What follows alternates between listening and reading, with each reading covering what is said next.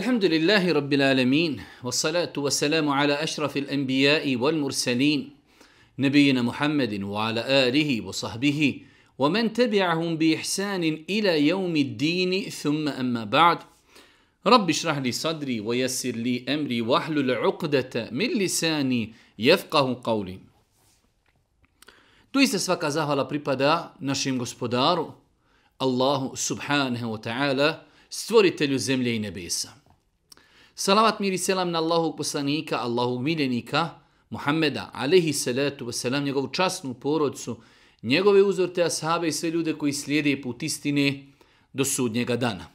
Uvažna braću i poštovane sestre, uvaženi gledatelji, iz određenih tehničkih razloga nismo imali naš ders u standardnom terminu četvrtkom, ali smo, eto, elhamdulillah, potrudili se da ga nadoknadimo odma večeras.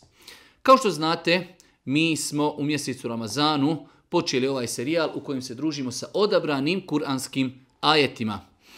Cilj ovog serijala, cilj ovih predavanja jeste da se ljudima koji se ne druži sa Kur'anom, koji nisu imali priliku da iščitavaju Kur'an, da im jednostavno na jedan lagahan i jednostavan način dostavimo kuransku poruku, odnosno da odaberemo neke ajete za koje mi smatramo da su najpotrebniji našem podneblju, našem narodu, vremenu i prostoru u kojem mi živimo. Večera su za Allahu subhanahu wa ta'ala pomoć družimo se sa 37. surom u Kur'anu, a to je sura As-Safat. Družimo se sa 37. surom u Kur'anu, onako kako su sure poredane u današnjem mushafu. Ova sura je 56. sura objavljena Božijem poslaniku, alihi salatu wasalam.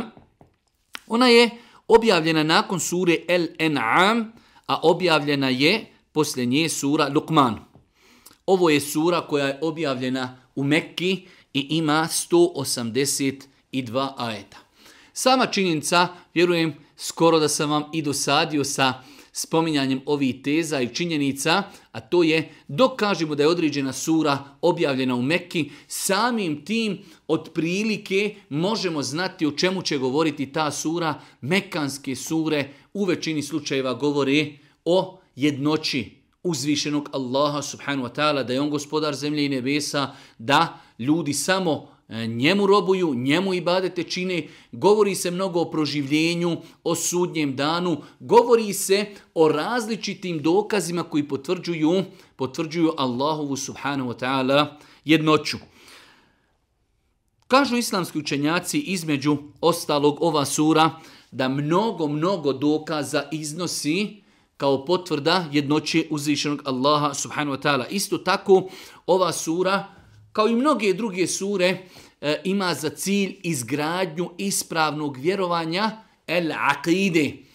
I isto tako pojašnjenje svega onoga što anulira ispravno vjerovanje i što što poništava čovjekovo vjerovanje, na prvom redu se misli na širk, pripisivanje Allahu subhanu wa ta'ala sudruga. Isto tako vidjet ćemo ova sura na jedan jedinstven način, doista, e, govori o sudnjem danu, govori o nagradama na sudnjem danu, govori o proživljenju i govori o jednom momentu kada stanovnici dženneta budu se prisjećali, budu se prisjećali šta su oni radili na Dunjaluku, pa onda u svemu tome jedan od njih spomeni da je imao prijatelja koji ga je u jednu ruku e, i provocirao zbog onoga što on vjeruje u Allaha subhanahu wa ta'ala, pa su poželjeli da ga vide, pa su otišli i vidjeli ga kako se kažnjava u džehennemu. Nakon toga taj insan e, kojeg je on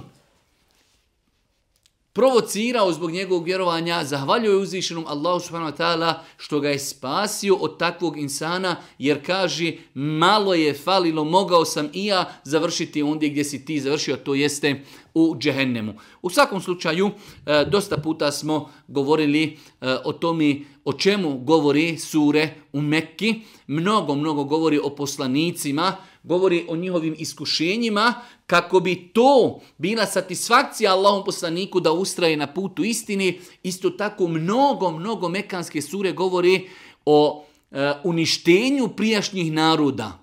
Govori o razlozima uništenja prijašnjih naroda sve kako bi se sve kako bi se u srcima ljudi kojima je poslan Muhammed alejhi salatu selam pobudila i probudila želja da se odazovu njegovom pozivu.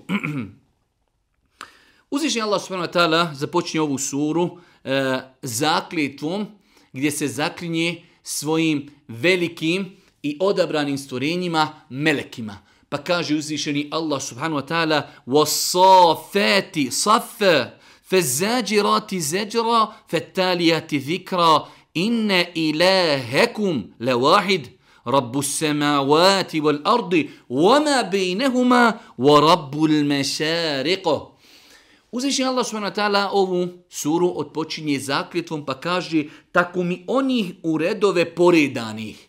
Zaklinje se uzvišeni Allah SWT svojim stvorenjima, melekima. Mi smo, kada smo govorili o suri Jasin prekućer, spomenuli smo e, poprilično mnogo pitanja koja se vezuju za zakljetvu, pa smo spomenuli da uzvišnji Allah SWT kao gospodar zemlje i nebesa može da se zakune čime hoće. A mi, kao njegovi robovi možemo se samo zaklinjati Allahom, njegovim imenima i njegovim svojstvima. Strogo, strogo je zabrajeno u islamu da se čovjek zaklinje nečim mimo Allaha i navodili smo primjere, nažalost, velik broj ljudi iz naših podneblja ima, ima uzrečicu da se zaklinje majkom, ocem, da se zaklinje poslanikom, džamijom i tako dalje što je neispravno i strogo zabranjeno. Čak u jednom hadisu Allah poslani kaže nemojte se zaklinjati svojim očevima, niti svojim majkama. Onaj ko bude se zaklinio, neka se zaklinje samo uzvišenim Allahom. Pa uzvišen je Allah subhanahu wa ta'ala u Kur'anu na više mjesta se zaklinje određenim svojim stvorenjima, A svaki put kada se zakune nekim svojim stvorenjem, treba da znamo da je to iz bitnog razloga i da je to njegovo stvorenje ima određene posebnosti. Mi smo više puta spominjali i u našim predavanjima prije ovog serijala i ovom serijalu uziš Allah SWT znači stvorio je meleke, stvorio je meleke od svjetlosti i to su Allah SWT apsolutno pokorna stvorenja apsolutno pokora stvorenja. E, o melekima su napisane knjige. Mi, muslimani, jedan od šest imanskih šarta jeste وَنُؤْمِنُ e, بِمَلَاِكَتِهِ Mi vjerujemo u njegove meleke. Pa musliman vjeruje da postoje stvorenja koja se zovu meleki, da su to Allaha subhanahu wa ta'ala apsolutno pokorna stvorenja, a znači ota, ostali detalje, njihova imena, njihove zadužbe, šta ko radi i tako dalje, o tome, o tome se može naći detaljnije u knjigama koja tretiraju pitanja Melika. Pa kaže uzvišeni Allah, wasafeti, safa, tako mi onih u redove poredanih. I onih koji odračaju, Čak po jednom tefsiru i onih koji razgone meleke. Jer imamo jedno od zaduženja meleka jeste i da oni razgone meleke, odnosno usmjeravaju ih. E, imamo vjerodostojan hadis da Allah poslanik ali se letu selam e, spomenuo, spomenuo vjerodostojnu hadisu da jedan insan, da je insan putovao, išao kroz pustinju, pa je čuo iznad sebe glas, koji se obraća oblaku i kaže idi ispusti vodu na baštu tog i tog. Pa je vidio kako oblak odlazi u jednom pravcu, pa je taj čovjek otišao u tom pravcu, pa je tamo došao, zatekao je kako je već kiša pala, zatekao jednog čovjeka kako razvodnjava tu vodu koja je se slijevala sa planina u njegovu baštu. Pa ga je upitao, kaže, kako se zoveš? Ovaj čovjek odma začuđen, zašto me pitaš kako se zovem? Pa kaže, zovem se tako i tako. Kaže, čuo sam malo prije u pustinji nepoznat glas koji se obraća oblaku i kaže, idi i ispusti, vod, ispusti vodu na baštu tog i tog po tvom imenu. Ime tvoje je spomenuto na nebesima. Kaže, možeš li mi kazati šta ti radiš, pa si na tom stepenu ide ređi da oblak posebno zaljeva tvoju baštu. Pa kaže taj čovjek kad si me već upitao, ja kaže ovo što vidiš posijem u bašti, jednu trećinu ostavim sebi i svojoj poroci, jednu trećinu podijelim kao sadaku, a jednu trećinu ponovo posijem, ponovo posijem. Ali ovdje je pojenta da meleci između ostalih svojih zaduženja imaju zaduženje da razgone i usmjeravaju i usmjeravaju oblake. Fezađirati zeđra, fetalijati zikra i tako mi oni koji opomenu čitaju, čitaju Kur'an, čitaju Allahove riječi, sve su to znači dijela koja radi meleki, poredanju safove, oni, oni o razgoni oblake i oni čitaju i oni čitaju Kur'an.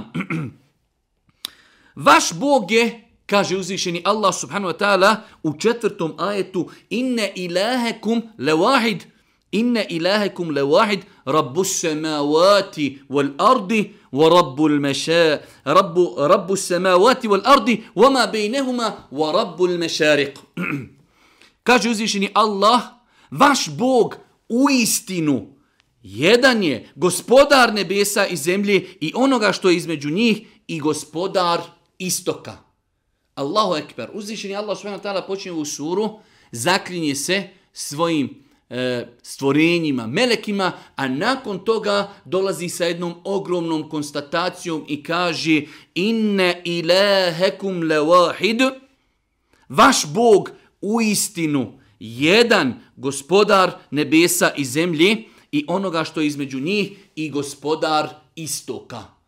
Vaš Bog je samo jedan Bog uzvišeni Allah subhanahu wa ta'ala, la ilaha illa Allah, nema Boga osim Allaha. Nema Boga koji zaslužuje da mu se čine i badeti i da mu se neko pokorava osim uzvišeni Allah subhanahu wa ta'ala. Pa je ovo jedna fraza koja se mnogo spominje u Kur'anu u razno raznim znači, kontekstima. Kaže uzvišeni Allah, inne ilahekum le wahid, Vaš Bog, jedan je Bog, on je gospodar zemlje i nebesa i onoga što je između njih i on je gospodar istoka. Gospodar uzvišeni Allah je stvorio zemlju i nebesa, on je stvorio ljude, on posjeduje sve što je na zemlji i na nebesima i između zemlje i nebesa i on je vlasnik, vlasnik i gospodar istoka. Nakon toga uzvišeni Allah subhanahu wa ta'ala govori o jednoj temi koju smo mi već jednom tretirali, a to je govori o svrsi zvijezda. Govori o tome kako šeitani, mi smo o tome već jednom govorili, kako prisluškuju, šta se dešava, šta se govori, šta se objavljuje na nebesima i nakon toga to pokušavaju prenijeti na zemlju, pa je uzvišeni Allah zadužio zvijezde da ih gađaju, da ih spaljuju na taj način. Pa se nekada desi, kao što je došlo u vjerodostojnom hadisu, jer se šetani popnu jedni na druge, popnu se jedni na druge do nebesa. Pa prisluškuju, pa se nekada desi da onaj koji je čuo neku riječ, nešto što je uzvišeni Allah objavio melekima, on kaže onom ispod sebe, on izgori, on bude pogođen, ali oni to prenose i onda onaj zadnji, prenese to nekom svom sihribazu, a on na to, kao što je došlo vjerodostojno na disu, doda stotinu laži. I zato nam se zna desiti, kaže, vidi, sjetio se, vidi, pogodio. Pogodio jer su mu njegovi šeitani kazali, ali uz tu istinu on će staviti još stotinu laži. Pa kaže uzvišeni Allah, inna zajenne sema e dunija, بزينة الكواكب وحفظا من كل شيطان مارد لا يسمعون إلى الملأ الأعلى ويقذفون من كل جانب دحورا ولهم عذاب واصب إلا من خاطف الخطفة فأتبعه شهاب ثاقب Mi نبو nebo, najbliže vama, ovo dunjalučko نبو كجوزي uzvišeni الله mi smo vama, sjajnim zvijezdama okitili. Allahu subhanahu wa ta'ala mudrost je da je dao, zamislite, najveće kada čovjek iziđe da nema zvijezda.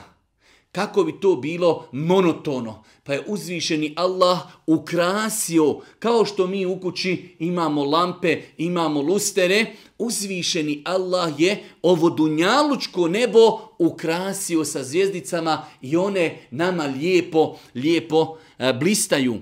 Nekada davno smo govorili, ovdje uzvišen Allah spominje dvije stvari zbog čega postoje zvijezde. Jedna je ukras nebu, druga je da gađaju šeitane i treća je da se ljudi, to je uzvišen Allah spomenuo također, da se ljudi prema njima orijentišu.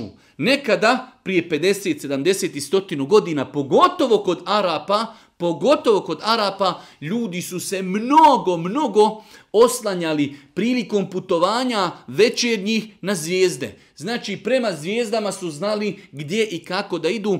Čak sam slušao od nekih svojih profesora da su ljudi znali određenu stvar izgubiti u toku putovanja na osnovu zvijezda bi se znali u toku noći, bez ikakvog osjetljenja, vratiti i naći tu stvar. Znači, toliko su precizno precizno poznavali raspored zvijezda na nebu i mnogo su se oslanjali na taj raspored prilikom svojih putovanja. Pa kaže uzvišeni Allah, mi smo nebo najbliže vama, sjajnim zvijezdama okitili i čuvamo ga od svakog šetana E, prkosnoga, da ne prisluškuje meleke uzviši, da ne prisluškuje zvijezde, gađaju šeitane koji prisluškuju, želije da čuju nešto šta uzvišeni Allah objavljuje melekima. Njih sa svih strana gađaju da ih otjeraju. Njih čeka patnja neprekidna, a onoga koji što ugrabi stigne svjetlica blistava. Kada vidimo Elhamdulillah, mi muslimani za sve imamo odgovor. Pa i kada vidimo zvijezda da je proletila, to je gađanje šetana i mi u to apsolutno vjerujemo jer nam o tome govori Kur'an i o tome nam govori vjerodostojni hadisi Allahovog poslanika alihi salatu wasalam. Pa nam uzviši Allah subhanahu wa ta'ala u ovim ajetima spominje dva razloga zašto su stvorene zvijezde. Mimo toga, to što danas imamo, kao nikada u historiji, da ljudi se vezuju za zvijezde, kao da zvijezde imaju uticaj na njihovu e, sudbinu, apsolutno ne.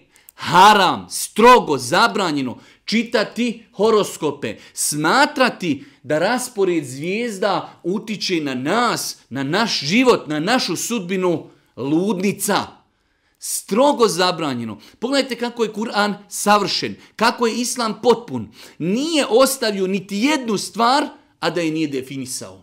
Pa nam je Kur'an pojasnio tri razloga zašto su stvorene zvijezde.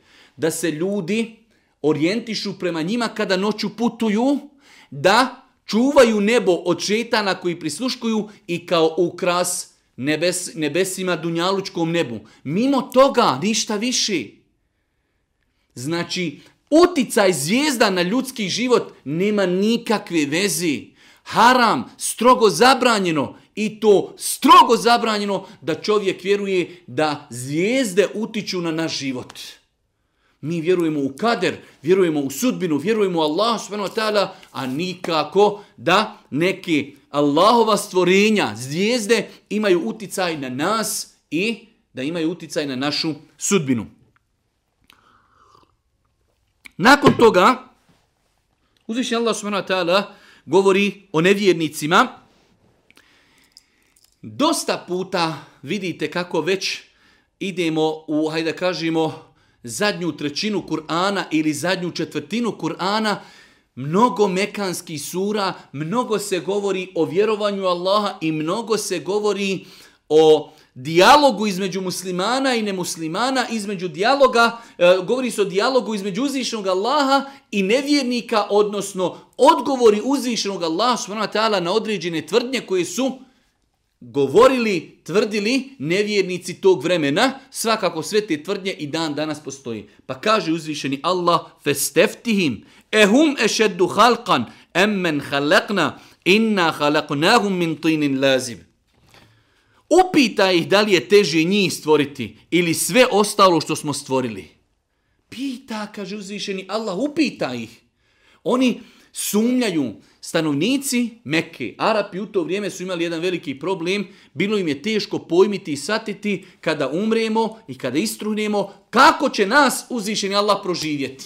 Pa kaže uzvišeni Allah, upita ih, da li je teže njih stvoriti ili sve što smo ostalo stvorili je li teže stvoriti ovog sićušnog insana ili kosmos, planete, zemlja, rijeke, planine, mora, okeani, zvijezde, sunce, mjesec. Znači, nelogično! Onaj koji je stvorio zemlju i nebesa, onaj koji je stvorio kosmos, lako mu je, lako mu je, stvoriti insana i proživjeti insana na sudnjem danu. Ti se čudiš, a oni se rugaju. Ti se čudiš, o Muhammede, kako oni ne vjeruju.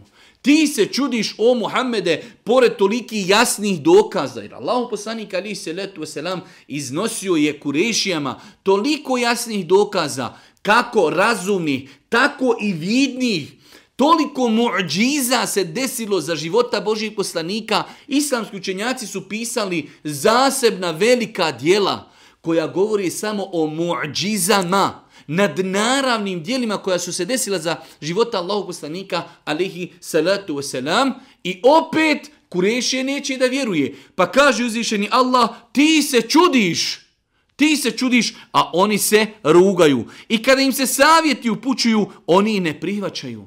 Savjetuj Allahu poslanik na najljepši način i blago i raspravlja i donosi dokaze, oni se ismijavaju i ne želi da prihvataju.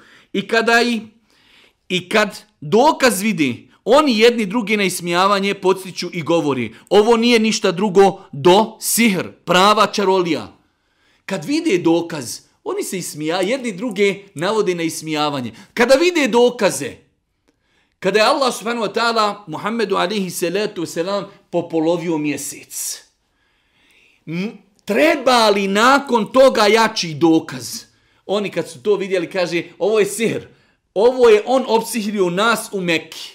Pa je Allah želio da istina iziđe na vidilo, pa su došli ljudi koji su bili daleko od Mekke desetine, ako ne i stotine kilometara koji su se vraćali sa određenih trgovačkih putovanja prema Mekki.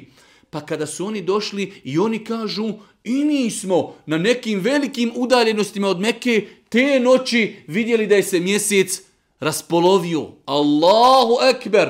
Pa nije Muhammed Ali Selam mogu opsihriti, evo ako je opsihrio Meku, nije mogu opsihriti cijelu, ob, cijelu planetu. Ali neće oni da vjeruju.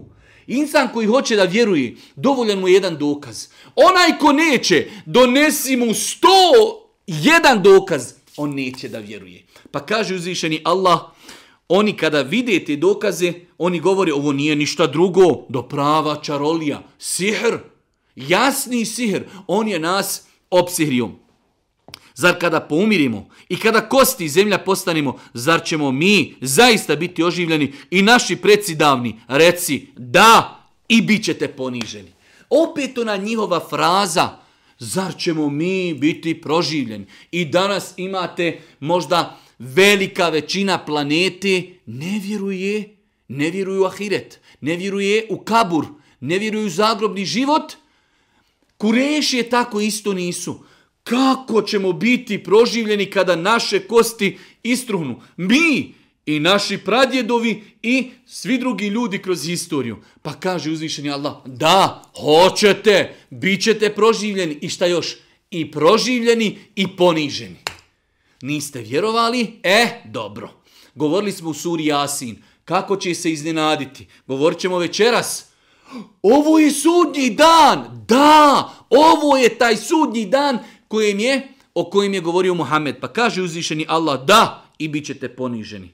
To će biti samo, samo glas jedan i svi će odjednom progledati i reći, teško nama, ovo je sudnji dan. Da, ovo je dan strašnog suda u koji vi niste vjerovali. Aha, kada budu proživljeni na osnovu jednog puhanja u rog, svi će ljudi ustati i biti proživljeni kao što je došlo u Allah, eh, hadisu Allahog poslanika. Allahog poslanik kaže bit ćete proživljeni goli, goli i bosi i neobrezani. Allahu ekve, tri svojstva. Goli i bosi i neobrezani. A Isa radi Allahu ta'ala anha žensko, Ne može da to pojmi, ona to još gleda dunjalučkim svojim razumom. Gdje žene i muškarci mogu biti zajedno proživljeni goli? Kaže Allahu poslaniće, muškarci i žene zajedno goli? Kaže Aisha, situacija je mnogo teža da bi neko u nekog pogledu. La ilaha illa Allah. La ilaha illa Allah. Možete li zamisliti tu težinu? A to je rekao onaj koji ne govori po hiru svome. Allahu ekber. Ljudi proživljeni goli i bosi i neobrezani. Nikome nije do nekoga da pogleda u njega. Djeca usjedila. Čovjek bježi od majke, od djeteta, od supruge, od prijatelja, od poznanika, od rođaka. Da mu ne bi ko zaisko, da ne bi ko zatražio. Niko ni u kog neće gledati. Pa kaže uzvišnji Allah, da, To je taj sudnji dan u kojeg vi niste vjerovali. Pa mi muslimani, elhamdulillah, vjerujemo i čvrsto vjerujemo i ubjeđeni smo. Jedan od šest imanskih šarta mi vjerujemo u sudnji dan. Sudnji dan i sve što ide u tom paketu što bi rekli od čovjekove smrti, od boravka u kaburu, uživanja u kaburu, od patnje u kaburu, od proživljenja, od polaganja računa, od sira čuprije, od dženneta, od džehennema, sve to mi vjerujemo. I zato kada neko dođe i kaže, a ko je se vratio otuda? Negira sve ovo, i kabur, i džennet, i džehennem, i polaganje računa, i sira čupriju, i sve, ko je se vratio, kao nema to ništa. Čuvajte se, čuvajte se da određene rečenice i riječi ne pokupite od džahila i neznalica. Mnogo opasne, mnogo opasne riječi. Kaže uzvišeni Allah nakon toga Uhšuru Uhšuru ljedina valemu u ezvađom u amakanu ja'budun Min duni Allahi fahduhum ila siratil džahim Waqifuhum Waqifuhum innahum mes'ulun, malakum la tanasarun. Sakupite, okupite, okupite nevjernike i one koji su se s njima družili i bili poput njih. Allahu ekber. Okupite zalime, okupite nevjernike i one koji su bili kao oni. I one koji su bili kao oni i one kojima su se klanjali mimo Allaha. Okupite njihova božanstva i kipove i tagute, sve živo okupite pred uzvišenog Allaha i pokažite im put koji u džehennem vodi. Aha, okupite nevjernike, okupite zalime, okupite oni koji su bili poput njih, okupite ono što, što su obožavali i čemu su robovali mimo uzvišenog Allaha i pokažite im put ka džehennemu. Nakon toga pazite ovaj ajet. Ovo je jedan od naj, najtežih ajeta u Kur'anu. Waqifuhum. Zaustavite ih. Zaustavite ih. Waqifuhum. Innahum mes'ulun. Zaustavite ih. Oni će biti pitani. Allahu akbar. Kaže uzvišeni Allah, Allah, mi ćemo ih sve pitati. Anna kanu ja'melun, šta su radili? Kako su se ponašali? Zaustavite ih, nema prolaza dok se ne položi računi, kaže uzvišeni Allah, ma lekum la tanasarun, šta vam je? Ne možete jedni drugima pomoći? Allahu ekber, zaustavi, polaži račun, zašto sada jedni drugima ne pomognite?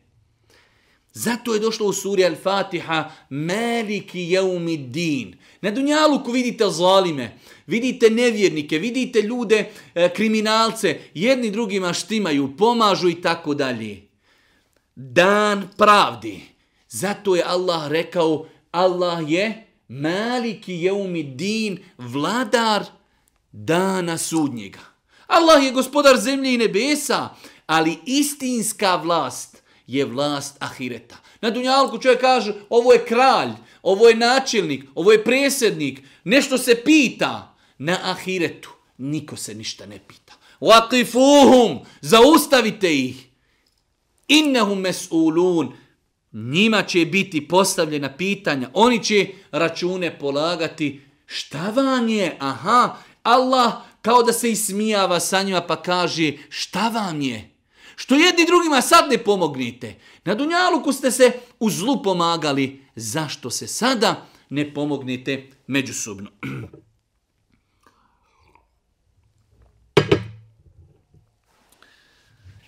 Isto tako uzvišen je Allah subhanahu wa ta'ala kada govori o nevjernicima kaže innahum kanu idha qila lahum la ilaha illa Allah yastakbirun oni su Još na dunjalku kada bi im se reklo nema Boga osim Allaha, oni su se oholili, ne želi da prihvati, ne želi da objektivno pogledaju u dokaze. Ja sam duboko ubijeđen, ali duboko ubijeđen da ne postoji čovjek na planeti koji bi objektivno pročitao Kur'an i sundet Božijeg poslanika i ono što se tamo navodi, ali objektivno, bez ikakvih predrasuda – dajte mi Kur'an i dajte mi sunnet Božijeg poslanika. Ja tragam za istinom. Da vidim ima li tu istina. Veoma je bitno da čovjek bude iskren, objektivan, nemam nikakvih predrasuda i ja želim istinu. Ovo su dvije komponente mnogo bitne. Ja sam objektivan, hoću prihvatiti istinu i tragam za istinu. Ubijeđen sam da ne postoji čovjek na planeti koji bi objektivno istinski pročitao Kur'an i sunnet, želeći, tragajući za istinom, a da ne bi prihvatio islam. Razlika je kada čovjek dođe i čita Kur'an, traži u njemu grešku. Razlika je, idem da ja vidim šta tamo piše, možda tražim istinu. Tražim istinu i objektivno. Bez predrasuda. Muslimani, teroriste, ugnjetani, žena, problem, ženu su oni... Uh, zapostavili tako. Ne, ne, ne, ne, ne. Izvini, sorry, dođi islamu i bez ikakvih predrasuda. Kur'an i sunnet, to su naša dva izvora islama. Kur'an i sunnet. Pročitaj Kur'an, nešto ti nije jasno, daj da vidimo šta je ulema tefsira rekla o tome. Pročitaj hadise Božijeg poslanika, ako ti nešto nije jasno, daj da vidimo šta je ulema rekla po tom pitanju. Nemoguća misija da čovjek dođe iskren, i bude objektivan, a da neće sati da istina u Kur'anu i sunnetu Božijeg poslanika. Pa kaže uzviš, Allah, innahum kanu iza qila lahum la ilaha illa Allah, jastakbirun. Oni su, kad bi im se reklo nema Boga osim Allaha, oholili se, nisu objektivno i istinski pristupali tom pitanju. Zar da napustimo božanstva naša zbog jednog ludog pjesnika? Mohamed alaihi salatu wasalam nisu znali šta da o njemu kažu. Pa su nekada govorili da je sihribaz. Nekada su govorili da je pjesnik. Nekada su govorili za njega da je lud. Prije nego što je objavljen prva objava, Mohamed alaihi salatu wasalam, svi su u Mekki volili. Zvali su ga El Emin, povjerljiviji kada je došao i kaže la ilaha illallah, nema Boga osim Allaha, kipovi ništa, nema kipova u islamu, kaže ti najgori. Ti si sad najgori pre, posto preko noći. Pa je jedno, jedan dan pjesnik, jedan dan sihribaz, jedan dan luđak. Takav insan, takva ljepota. Ljudi su znali doći vidjeti lice Božijeg poslanika. Samo ga vidi, ništa. Kaže, ovo lice nije lice lažova. Ljudi znaju kakvo je lice lažova. Kaže, ovaj čovjek, mi ne znamo ništa o njemu, ali ovo njegovo lice, ovo, ovo nije lažov. Šta god da kaže, istina je. Allahu ekbar. Allahu ekbar. Allahu poslanik, alihi salatu wasalam. Kaže, pa su, oni bi govorili, zadostavimo naše božanstva zbog ludog pjesnika a nije tako. On istinu donosi i tvrdi da su svi poslanici istinu donosili. Allahu ekber, nije tako, nije pjesnik. On donosi istinu, jedan. I on je potvrdio da su svi poslanici donosili istinu. Mi muslimani vjerujemo u sve poslanike. Vjerujemo da ih je sve poslo uzvišeni Allah te barake ve taala, da ljude pozivaju monoteizmu, samo Allahu, da ljudima pojasni kome da robuju i kako da mu robuju. Svi poslanici bez izuzetka i Isa alihi salatu wasalam kojeg su kršćani uzdigli na nivo da je ili Bog ili Boži sin, apsolutno on je samo u liniji sa svim drugim poslanicima. Odabran, da, jedan od pet najodabranih poslanika imao je muđize. Ovo je najveći problem kod kršćana kada im se kaže kada im se kaže da je Isa alihi salatu wasalam bio samo poslanik, kaže mogao živjeti ljude. Ama Allahu poslanik alihi salatu wasalam imao mnogo veće muđize. Oživio ljude Allahovom dozvolom, ništa više mimo toga. Da ne govorimo o drugim kontradiktornostima u kršćanstvu. Pa kaže uzvišeni Allah subhanu wa ta'ala, on istinu donosi i tvrdi da su svi poslanici istinu donosili svi poslanici su pozivali Allahu subhanahu wa ta'ala da se samo njemu robuje i da se samo njemu ibadet čini. Kaže uzvišeni Allah, a vi ćete sigurno bolnu patnju iskusiti kako ste radili. Mnogo puta u Kur'anu se kaže zbog onoga što su radili. Nemojte, braćo i sestre, molim vas, da vam neko proda maglu, demagogiju, čisto mi srce, dobra mi duša, mahrama je, kaže, komad platna. Danas čitam jedan komentar, kaže, ko, mahrama je komad platna. Za svaki ibadet ćemo, namaz, pa namaz je samo uh, gimnastika, zekja, Samo je bitna duša. Nemojte se igrati toga. Bima kanu ja'melun. Zbog onoga što su radili. Džennet zbog onoga što su radili. Džehennem zbog onoga što su radili. Pa kaže uzvišeni Allah subhanahu wa ta'ala وَمَا تُجِزَوْنَ إِلَّا مَا كُنْتُمْ تَعْمَلُونَ Vi nećete dobiti nagradu osim za ono što ste radili. Niko ni za koga ne odgovara.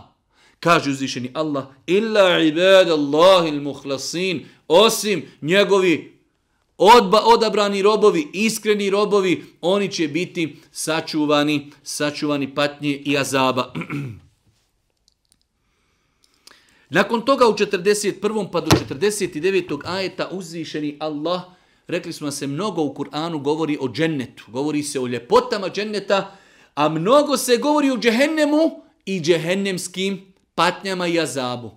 U ovoj suri uzvišeni Allah govori o ljepotama dženneta, mi ćemo kratko o tome, a inače obećali smo da ćemo ako Bog da kroz naredna predavanja e, govoriti o određenim ljepotama dženneta. Kaže uzvišeni Allah subhanahu wa ta'ala govoreći o džennetljama, u lajke leum risku ma'lum, posebno će oni obskrbu imati razno voće i bit će poštovani u džennetskim bašćama naslada, na divanima, jedni prema drugima okrenuti, bit će posluživani čašama, pićem iz izvora koji će stalno teći, bistrim i prijatnim onima koji ga budu pili.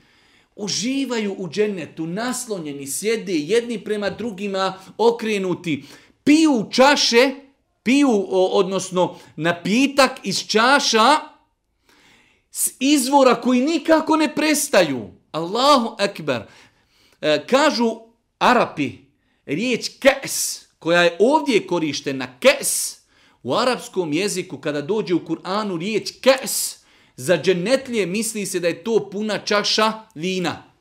Puna čaša vina. Pa kaže uzvišeni Allah subhanu wa ta'ala e, za dženetlije, bit će posluživani čašama, pićem iz izvora koji će stalno teći, bistrim i prijatnim onima koji ga budu pili, od njega neće glava boljeti i od njega se neće pamet gubiti. Dosta puta u nas ljudi, a kada sam jedne prilike objavio uh, na Facebooku e, šta će sve džennetlije imati vrste rijeka u džennetu od meda, od mlijeka, od neustajali vode i od vina.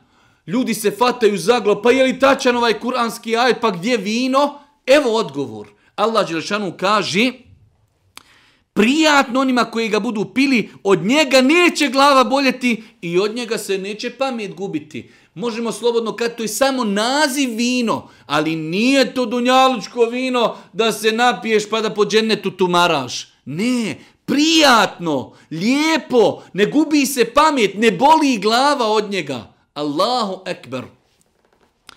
Kaže uzvišeni Allah govoreći o džennetu, pored njih će biti one koje će preda se gledati. Očiju, prekrasni, kao da su one jaja pokrivena. Jedan od opisa džennetskih ljepotica hurija jeste da gledaju predase. Allahu akbar. I danas dan imate, imate e, vjerovatno ste to primijetili, kad neko hoće da se uslika, nekad ljudi se uslikaju i gledaju predase. To je jedna od najljepših poza koju može insan da napravi. Jedna od najljepših osobina koju može imati žena na dunjaluku jeste stid. Da žena gleda predase. Od stida. Pa je uzvišeni Allah na, u tom svojstvu stvorio hurije. Da su stidne da gledaju predase. Allahu ekber. Pa kaže uzvišeni Allah, pored njih će biti one koje će predase gledati očiju prekrasnih, krupnih i lijepih, One kao da su jaja pokrivena. Ovo je jedan od prijevoda kao jaja pokrivena kada nešto se čuva prekriveno, sakriveno. Inače, kod Arapa e, jaje se kao, e, navodi primjer ljepote, bijelo jaje, lijepo, bijelo, prekriveno, sakriveno. Iako velik broj mu fesira ovdje kada se kaže ke enne hunne bejdun meknun, kaže ova riječ bejdun meknun, postoji oko nje razno razna tumačenja, da vas sad time mnogo ne umaramo, ali govori se o ljepoti dženeckih hurija, da su bijele, da su lijepe, kao, kao što su bijela i lijepa jaja.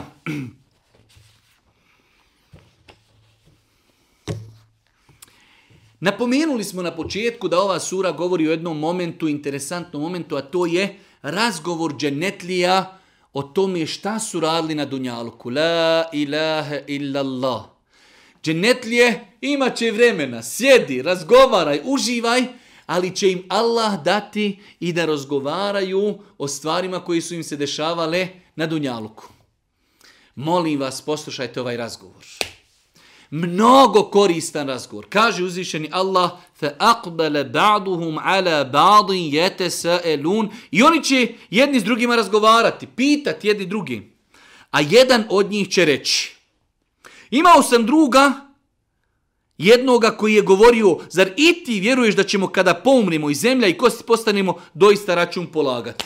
Oni razgovaraju u džennetu pa kaže jedan džennetlja drugim džennetljama, ja sam imao jednog poznanika, prijatelja, on je meni govorio, zar i ti bolan vjeruješ?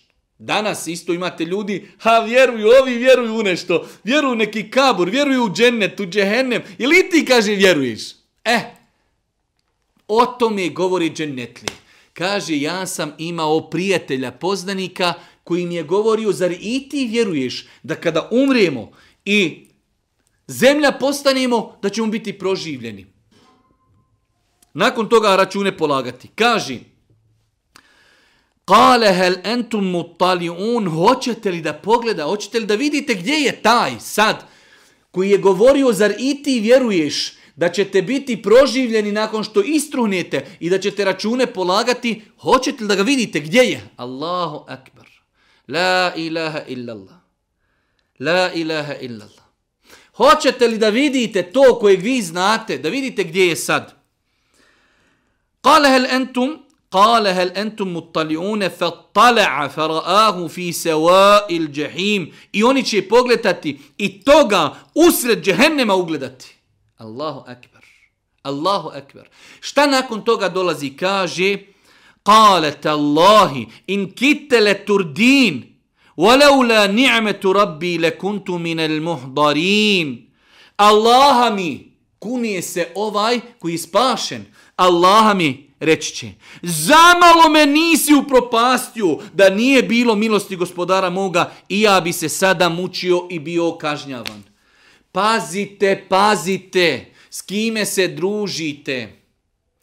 Kaže, tako mi Allaha malo je falilo. Hajde ba u diskoteku, hajde da idemo u nargilu, hajmo kafić, hajmo cigare, hajmo nemoral, hajde ti jedini nikad nećeš. Čuvajte se toga. Kaže, tako mi Allaha, malo je falilo da i mene nisi upropast. Hajde što si ti još upropast? Malo je falilo da i mene ne upropastiš i da i ja s tobom sada budem u džehennemu. La ilaha illallah. Koliko pouka i poruka ima u ovim ajetima. Čuvajte se, pazite se bolje je da nemaš ni jednog ahbaba. Ako svi ti ahbabi me pozivaju u džehennem, živjeću sam korobizom kruso, ne mora niko za mene znati. Ako će ti moji ahbabi mene odvesti u dalalet, u zabludu, u grijehe, u nemoral, u kriminal, ne treba mi niko. Tako mi Allaha kaže, malo je falilo da i mene ne uništiš. Da i ja sad budem kažnjavan kao i ti. Pa pogledajte, braćo moja draga, ovaj, ovu, možemo i nazvati scenu, razgovor dženetlija, pa im Allah Đelešanu dozvoljava, hajde da vidite tog koji se na Dunjaluku prsio i puhao, koji je bio pametnjaković, filozof, halo, zar ćete, zar mislite, zar vjerujete da ćete biti proživljeni i da ćete račune polagati? Hoćete li da ga vidite? Pa će ga vidjeti u sredini džehennema kako se kažnjava i muči, pa će insan tada reći da nije bilo Allahove blagodati. Malo je falilo. Hvala Allahu, ja rab, lekel hamd, Allahu dragi, tebi hvala što si me uputio da shvatim gdje je istina od neistini, ko je pravi, a ko je loši prijatelj. Pazite s kime se družite ovaj ajeti, ovi ajeti svima nama treba da budu, svima nama treba da budu opomena.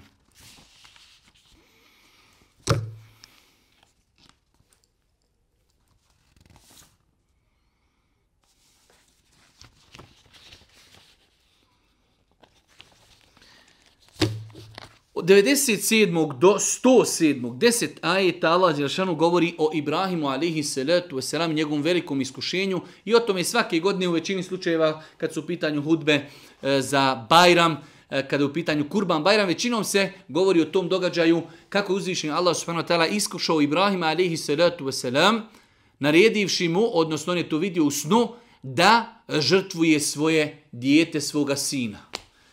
Zaista, znači svi mi koji smo roditelji znamo kolika je ljubav roditelja prema djetetu. Koliko je težak ispit položio Ibrahim alejselatu selam, zato Ibrahim alejselam ima nadimak Halilullah, Allahov prisni prijatelj, najbolji prijatelj, jer je položio jedan od najtežih ispita koji je bio na Dunjaluku. Kaže uzvišeni Allah, قَالُ بْنُوا لَهُ بُنْيَانًا فَأَلْقُوهُ فِي الْجَحِيمِ Rekli su, pripremite za njega lomaču, pa ga u vatru bacite. Oni nisu tijeli Ibrahima da ga bace samo u neku vatru, ne, ne, ne, veliku lomaču i da ga katapult mora baciti. Ne mreš doći sa njim blizu, toliko je vruće. Toliko su ljuti bili na Ibrahima, što im je polupao kipove, što ih poziva Allahu, do te mjeri kaže veliku lomaču i katapult da ga bacimo u džehennem i da ga bacimo, odnosno vatru dunjalučku. Kaže, i htjedoše ga na muku staviti, a mi njih učinismo poniženim. Oni htjeli nešto, Allah dao nešto drugo. Ibrahim pao u vatru, Allah je naručuje, naređuje vatri. Kuni barden, oselamen, ala Ibrahim, budi hladna, spasonosna za Ibrahima. Ibrahim sjedi u vatri hladnomu, lijepo, uživa. Kada iskreni Allahov rob oslanja se na uzvišenog Allaha. I tjedoše ga na muku staviti, a mi njih učinismo poniženim. Idem onom gdje mi je gospodar moj naredio. Idem onamo gdje mi je gospodar moj naredio. Reče Ibrahim, on će me kuda treba uputi, gospodaru moj, daruj mi porod čestit. Ibrahim a.s. je dostigao, dostigao poznu starost, nije imao djeci. Pogledajte, poslanik ne gubi nadu. Gospodaru, obskrbi me, obskrbi me potomstvom. Ovo je u jednu ruku i dova, i ders, i pouka svima onima koji nemaju potomstvo, vezuj se svojim srcem za Allaha. Uzvišeni Allah, Uzvišeni Allah kada nešto želi samo kaže budi i ono budi. Svakako ovo ne isključuje i pretrage i nalaze, ako treba i vještačka oplodnja, ali vezuj se svojim srcem za Allaha. Uzvišeni Allah je taj koji nekome daje na poklon mušku djecu, nekome žensku, nekome i mušku i žensku, a nekoga ostavlja bez poroda. Allah Đerašanu je hakim, mudri i zna zašto je određenu ostav, osobu ostavio bez poroda. Ono što mi možemo jeste da poduzmemo dunjaločke faktore i da dovimo Allahu kao što je dovio Ibrahim a.s. Pa ga je Allah u poznim godinama obskrbio i dao mu je potomstvo. Pa kaže, gospodaru moj, podari mi čestit porod. I mi smo ga obradovali dječakom blage naravi. Obradovali smo ga dječakom blage naravi. Dijete lijepo sluša blago. Pa kaže, i kad on odraste toliko da mu poče u poslu pomagati, Ibrahim reče, o sinko moj, ustu sam vidio da te trebam zaklati, pa šta ti misliš? Allahu ekber. Kažu islamski učenjaci da je to dodatni ispit hajde možda da je to bilo malehno dijete godinu, pa možda nije se još ni zavoljelo i nije bilo vremena već onog momenta kada je, kaže, počeo da mu pomaži u poslovima. E sada ti kao roditelj ono kaže, e evo sad je lagano došlo vrijeme da se i roditelj odmori, moja djeca me sustižu da mi potpomažu. E u tom momentu, a dugo godina čekao je potomstvo, što je još veći izazov. Prvo dugo godina čekao potomstvo. Nakon toga dolazi iskušenje da treba zaklati svoje dijete koje je već oskočilo toliko da mu može pomagati u poslovima. Pa kaže, šta ti misliš, o sine moj? O oče moj, reče, onako kako ti se naređuje postupi. Vidjet ćeš ako Bog da, da ću, ću se izdržati. Allahu ekver, pogledajte, pogledajte, tog djeteta i pogledajte tog imana, pogledajte taj sabur, pogledajte taj jeklin, ubjeđenje. Oće uradi kako ti se naređuje. Ti si poslanik, nema više tu šta pričat. Uradi kako ti se naređuje, vidjet ćeš biti strpljiv. Težak izazov, i za oca teško, i za djete teško. Kaže uzvišeni Allah subhanu wa ta'ala, i njih dvojica poslušaši. I kada ga on čelom prema zemlji položi, mi ga zovni smo, o Ibrahime, ti si se objavi u snu odazvao, a mi ovako nagrađujemo one koji dobra djela čini. To je zaista bilo pravo iskušenje i kurbanom velikim ga iskupismo. Allahu ekber. Kaže, subhanallah il azim, kada sam pripremao ovo predavanje, pa kada sam čitao tefsire, kažu učenjaci, zašto kaže uzvišeni Allah ovdje pa kada ga je licem okrenuo prema zemlji. Inače, to be jarabi, insan i kada kolje životinju, znači kolje je preko vrata, logično bi bilo da lice bude okrenuto gore. Ali kaže kada ga je okrenuo zemlji, jer je njegov sin rekao Ibrahimu, babo okreni me prema zemlji. Pa ozdol prereži moj vrat, jer kaže, Možda ja kada vidim nož, možda ću se pokolebati, a možda kada ti vidiš moje lice, možda ćeš odustati od implementiranja onoga što tebe traži gospodar.